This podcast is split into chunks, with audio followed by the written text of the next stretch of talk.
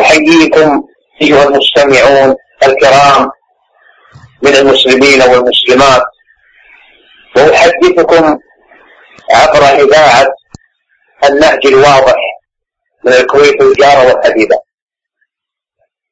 هذه الإذاعة التي يقوم عليها أخونا وصاحبنا شيخ محمد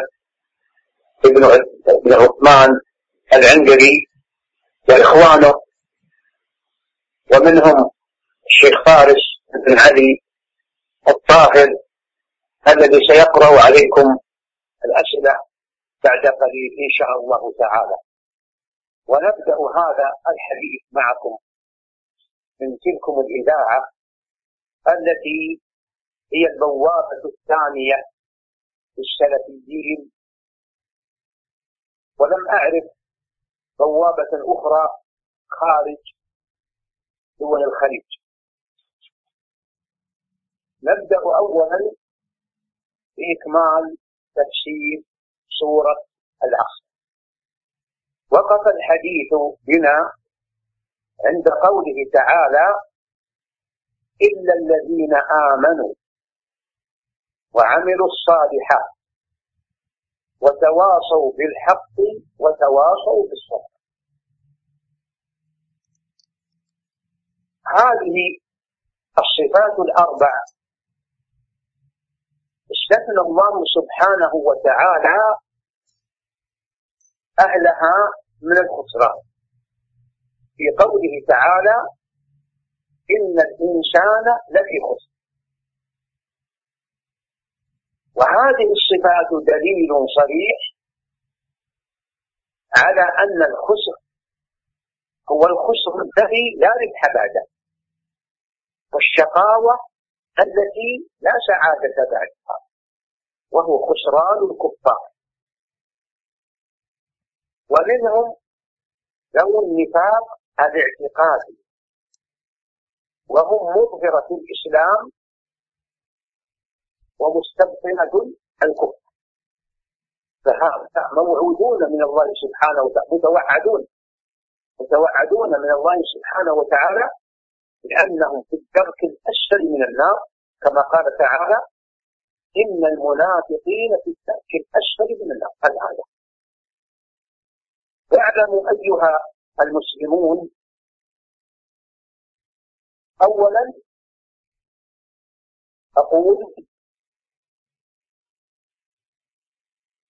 هو قول باللسان بتعريف الإيمان قول باللسان واعتقاد بالقلب وعمل بالجوارح يزيد يزيد بالطاعة وينقص بالمعصية. وأهل هذا هذا هو أحد التعريفين عند أهل السنة. ونكتفي به الآن اختصارا للوقت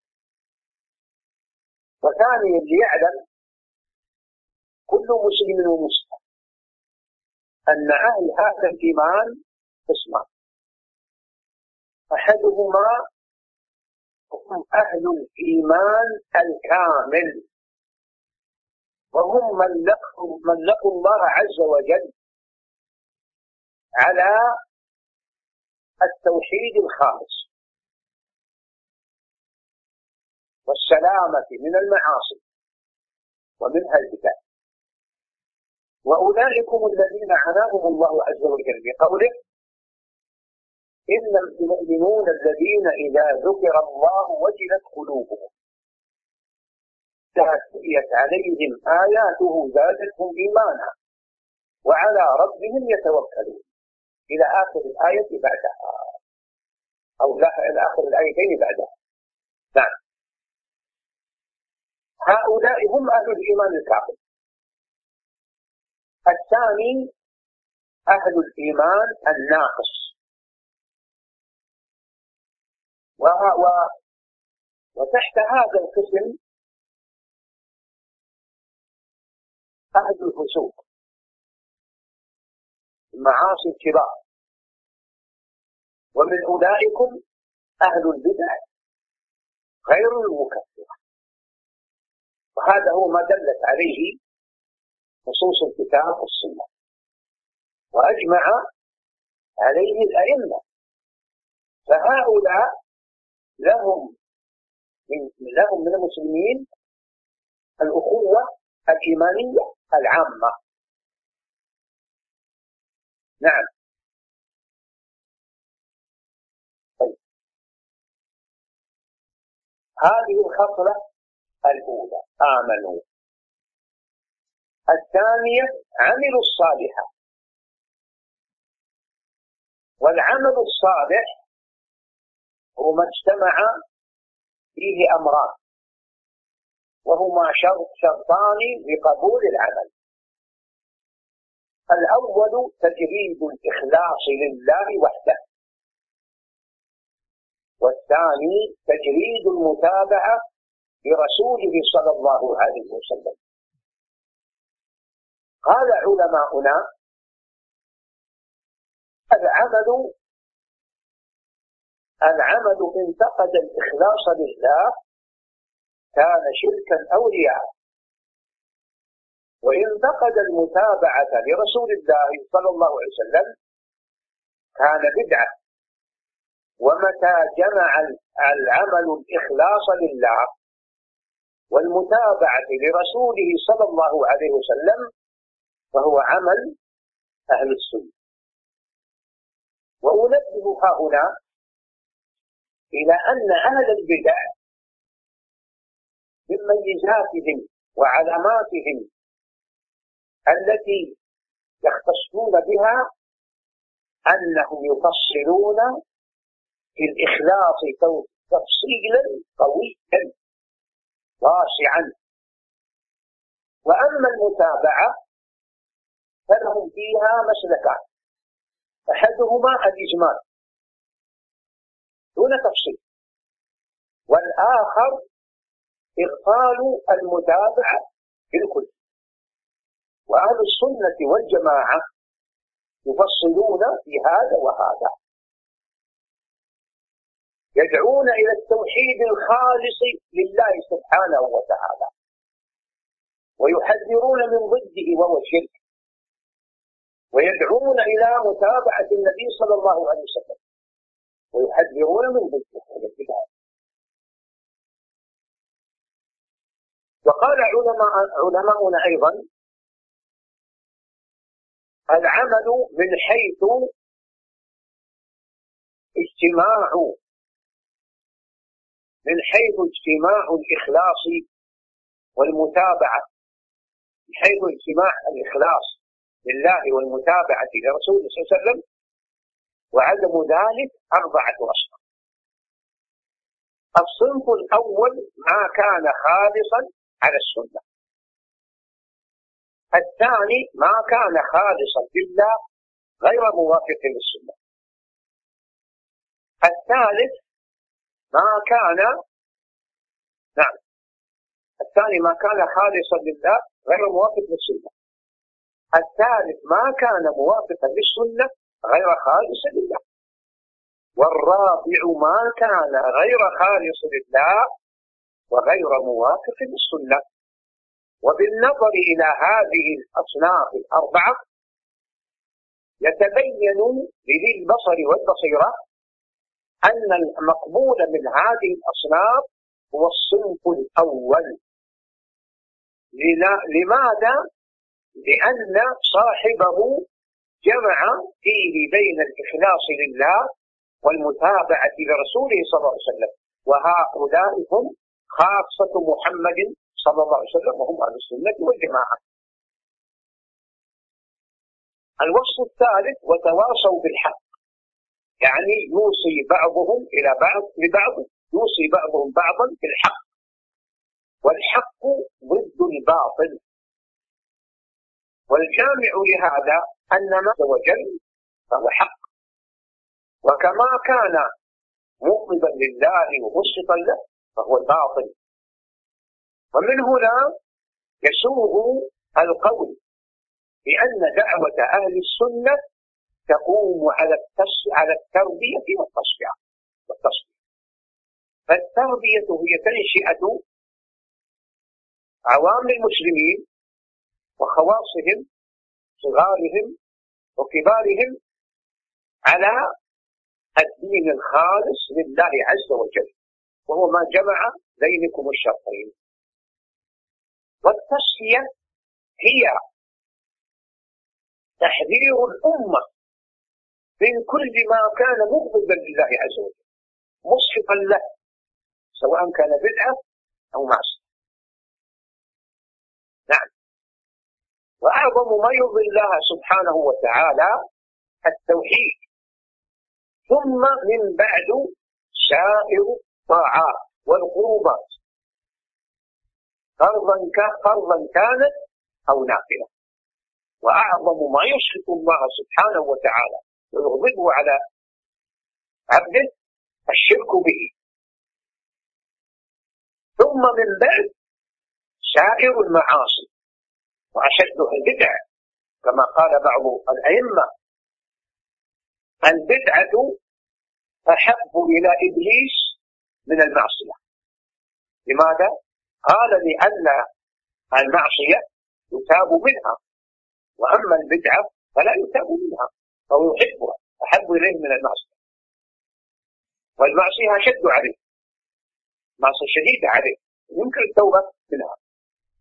وصح عن النبي صلى الله عليه وسلم بمجموع الطرق أن الله احتجز احتجب أو احتجب التوبة عن عن كل صاحب بدعة. فليحذر المسلمون البدع نعم. الساعة الرابعة وتواصوا بالصبر. والمعنى يوصي بعضهم يوصي بعضهم بعضا بالصبر. لأقسامه الثلاثة. صبر على طاعة الله. وإن كان فيها من من المشاقة. حتى يؤديها المسلم. الثاني صبر عن المعصية. صبر عن المعصية. وإن كان فيها من يزينها. حتى يدعها والثالث الصبر على الأذى بالله سبحانه وتعالى.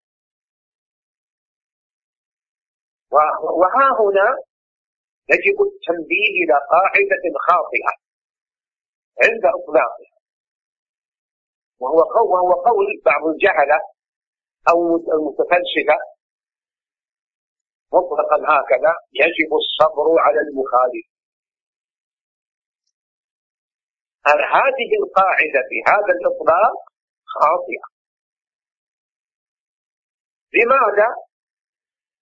لأن المحفوظ والمجمع عليه من أئمة أهل السنة أن المخالفين اسمع.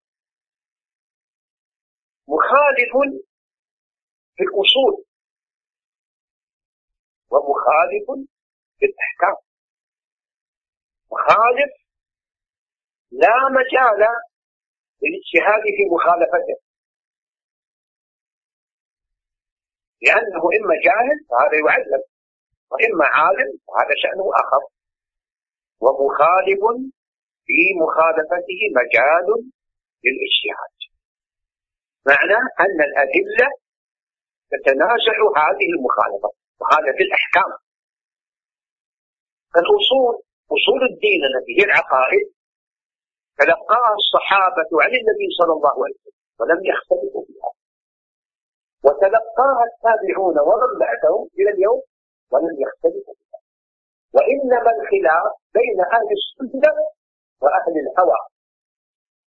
وهذا خلاف وخلافهم لا ينظر إليه ثم هؤلاء المخالفون في أصول الدين قسمان قسم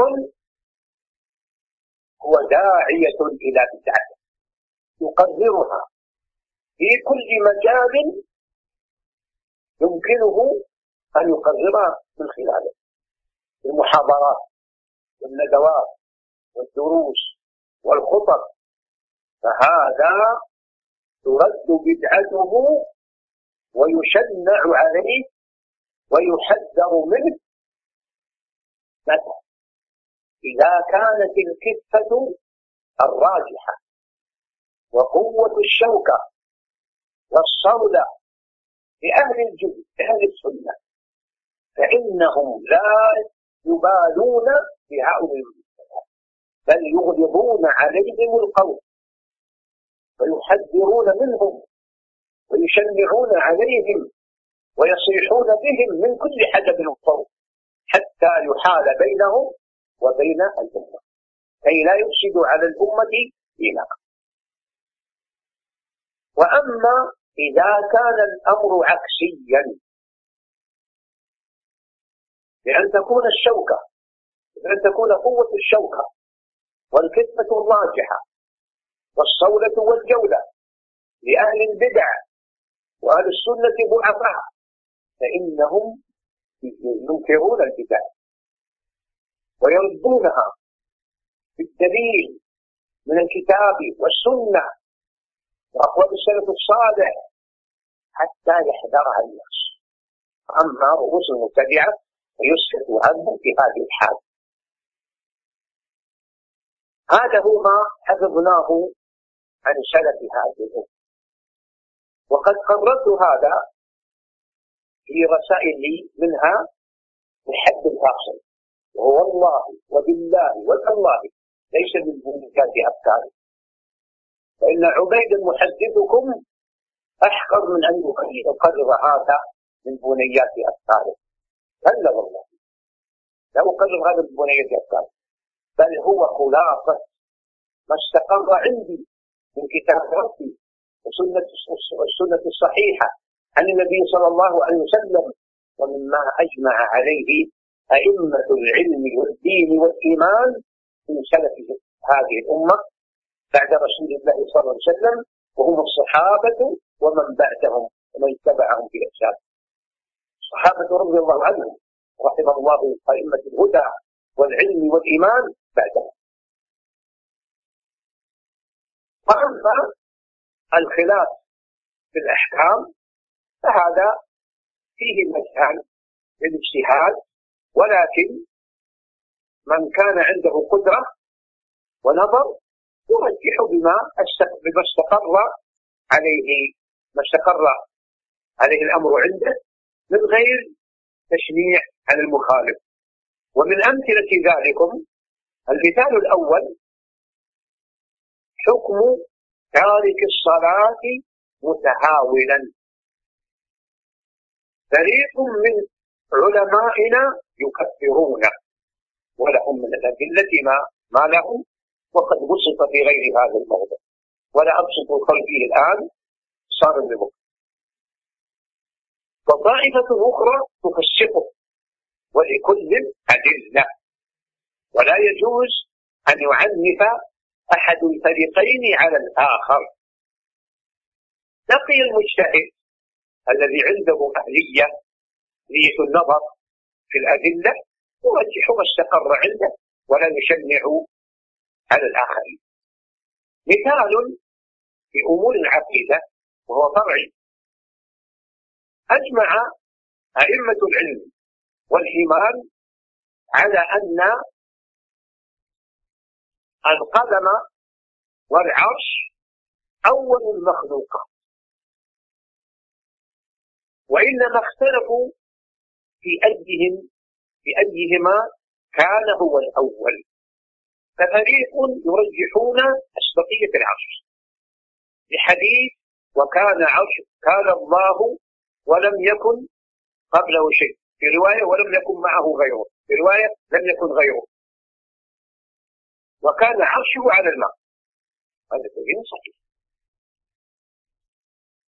ومن رجح أولية القلم حديث إن أول ما خلق الله القلم. جاء في بعض طرقه صحيحا بعض طرقه صحيحا إن أول شيء هو القلم. والجمع بينهما وهو حسب حسب ما أعرف أنه عن ابن القيم رحمه الله قال أول شيء يعني من العالم بعد العرش. ونحن على هذا. لكن لا نعنف على من خالفنا بما عنده من الدليل. والله أعلم. هذه الصفات الأربع استنبط الشيخ محمد رحمه الله أربع مسائل. المسألة الأولى العلم. والمراد العلم الشرعي. وبرهان ذلك في قوله تعالى الذين آمنوا. ومعنى الإيمان على وفق ما أسلف والعبر الأخرى أنه لا يدرك ذلك إلا العلماء ومن جلس. والتفصيل في الإيمان. أما عوام المسلمين فهم عمل أفتاهم والمجالسون من عوامنا لأهل العلم ولله الحمد على هذا ولم يعرفوا الأمور الأخرى. الثاني الدعوة إليه. هذه استفادها؟ من قول الثاني العمل. العمل هو ثمرة العلم وزكاته. ولهذا قال قائل أهل العلم إن علما بلا عمل كشجرة بلا ثمر. الإنسان الذي لم يعمل بما علمه الله هذا هو شبهه. وفي الحديث الصحيح المخرج في الصحيحين وغيرهما عن أسامة بن زيد رضي الله عنهما عن النبي صلى الله عليه وسلم قال يجتمع أهل النار على رجل تندلق أقتاب بطنه يعني أمعاء. يدور فيها كما يدور الرحاء كما يدور الحمار في الرحاء. فيقول لفلان ما لك؟ ألم تكن تأمرنا بالمعروف وتنهانا عن المنكر؟ يقول بلى كنت آمركم بالخير ولا آتي. وأنهاكم عن الشر وآتي. وهذا الحديث أخرجه البغوي في تفسيره عند قوله تعالى في التشريع على بني إسرائيل أتأمرون الناس بالبر وتنسون أنفسكم وأنتم تتلون الكتاب؟ أفلا تعقلون؟ الثالثة التواصي ثالث الدعوة. هذه واضحة. ومن قوله تعالى وتواصل بالحق. وهذا إشارة إلى أن المنتسبين إلى الدعوة أقسام ثلاثة. أحدهم أهل البصيرة والهدى. وهم الذين نورهم الله بالعلم وفقههم في الدين فيدعون إلى الله على بصيرة ونور من الله سبحانه وتعالى. وهؤلاء الدعاة إلى بصيرة هم على ميراث محمد صلى الله عليه وسلم. كما في الحديث الصحيح وإن العلماء ورثة الأنبياء فإن الأنبياء لم يورثوا دينارا ولا درهما وإنما ورثوا العلم فمن أخذ به أخذ بحظ نعم. الساعة الرابعة الصبر على الأذى وقد مضى تفصيله. المقصود أن نعم القسم الثاني من الدعاة دعاة الجهل فهؤلاء حقهم على إخوانهم أن يبصروهم بدعوة الحق فلا يتركوهم جهالا. فالجاهل في الغالب تنفع فيه النصيحة لأنه خالي القلب. فهو في الحقيقة يعني سهل القياس إلى من سبق إليه. فإن سبق إليه عالم سنة وداعية سنة انتصح وانتفع وقبل السنة. وقد يصبح داعية بصيرة. وقد لا تكون عنده قدرة. فيسكت ويبقى على السنة. هذا هو التعليم. وإن سبق إليه صاحب بدعة أخذ واختطف. نعم. وهذا رضخ مسكين لشيطان الإنس. وشيطان الإنس أشد من من الشيطان الجني لأن الشيطان لأنه أقرب. الشيطان الإنسي أقرب من الشيطان الجني لأنه لأن الناس يركنون إليه. يعجبهم جيه وقوله المخالف هذا بما أوتيه من فصاحة لسان وبيان فيظهر الناس فينجبون معه. وأذكر على سبيل ذلكم آه، صالح بن عواد المغامس. هذا جاهل في علم الشرع أجهل من حمار أمه وأبيه أقوله ولا أجد أمامه فهو داعية تصوف ومتهور. فلا يجوز في الحقيقة الاستماع إليه. ومن جلبه إلى بلدكم أو أي بلد فهو غاش للراعي الرعية. فلا ينصح الاستماع إليه ولا يؤخذ عنه العلم لأنه عالي من العلم وإنما هو بريد هوى. وجسره بدعة. نعم. نعم. قلنا الثالث داعية الهوى. وهذا أمره واضح هذا ممن أضله الله على علم. فيحكم العقل. ويستخدم القياس. الباطل. ويدع السنة ظهره وهؤلاء هم هم أئمة الضلال.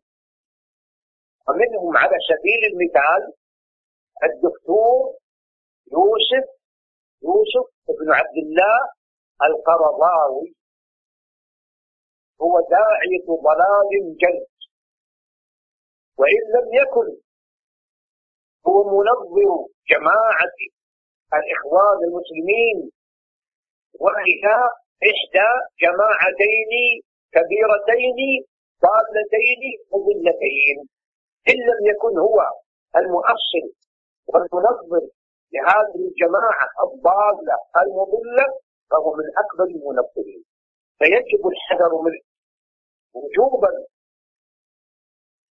ومن رغب فيه ومدحه ولم يدل ولم يدل يذمه. وهذا على وهو على علم وبصيرة بحاله فهو ضال مضل مبتدع مثله. والجماعه الثانية جماعة التبليغ وهي الجماعة الأخرى الضالة المضلة. المبتدعة الصوفية المقنعة التي لا تدعو إلى توحيد الألوهية.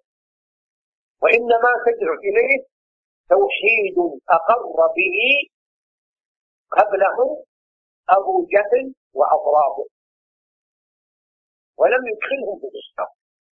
بإنكارهم توحيد الألوهية. وهو ذلكم التوحيد. الذي اتفق على الدعوة إليه النبيون والمرسلون بدءا من نوح أولهم إلى محمد صلى الله عليه وسلم خاتمهم صلى الله وسلم عليهم أجمعين. هذه دعوتهم. اسمعوا قول الله عز وجل على سبيل المثال وما أرسلنا من قبلك من رسول إلا نوحي إليه أنه لا إله إلا أنا فاعبدون.